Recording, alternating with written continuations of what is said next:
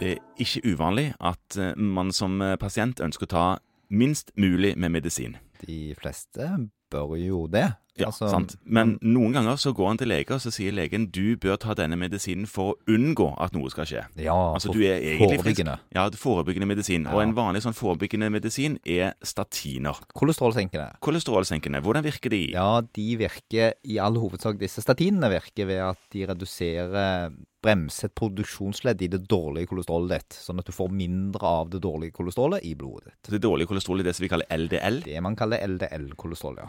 Ok, ehm, så sånn er det. Men noen tar denne medisinen på kvelden, og noen har fått beskjed om at de kan ta når som helst. Og, Ah, Ja, det er litt vanskelig. Altså, det er sånn at det er litt forskjeller på disse statinene.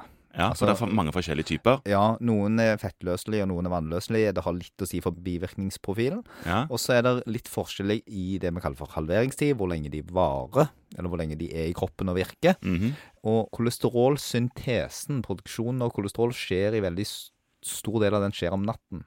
ja vel. Litt sånn hormonelt styrt. Og det, det medfører at disse som har litt kortere virketid, de bør tas på kvelden for å virke mest effektiv når denne produksjonen skjer. Ja, for hvis du tar det på morgenen, så er det lite effekt igjen når natten kommer. Mhm. Ja, Mm. Mens noen av de har mye lengre virketid, og da er det ikke så viktig når du tar de. Jeg skjønner. Så huskeregelen er egentlig at du kan ta alle sammen om natten, hvis, eller ikke om natten, men til kvelden. Ja, Hvis det er det enklere å huske på. ja. Eh, så- Men hvis legen din har informert deg nøye om at du skal ta den om kvelden, så er det en god grunn til det. Bra. Og tåles dette godt? Er det grei skuring? Er det, merker folk at de tar dette? Eh, Ja, det er jevnt over grei skuring. Vi pleier å si at det er 90 sannsynlighet for at dette går ganske bra. Men den vanlige bivirkningen som alle snakker om, det er sånn muskel- og leddsmerter.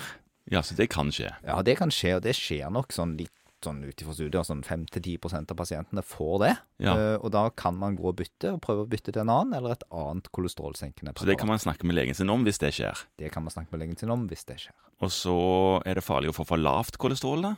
Nei. Nei. Greit.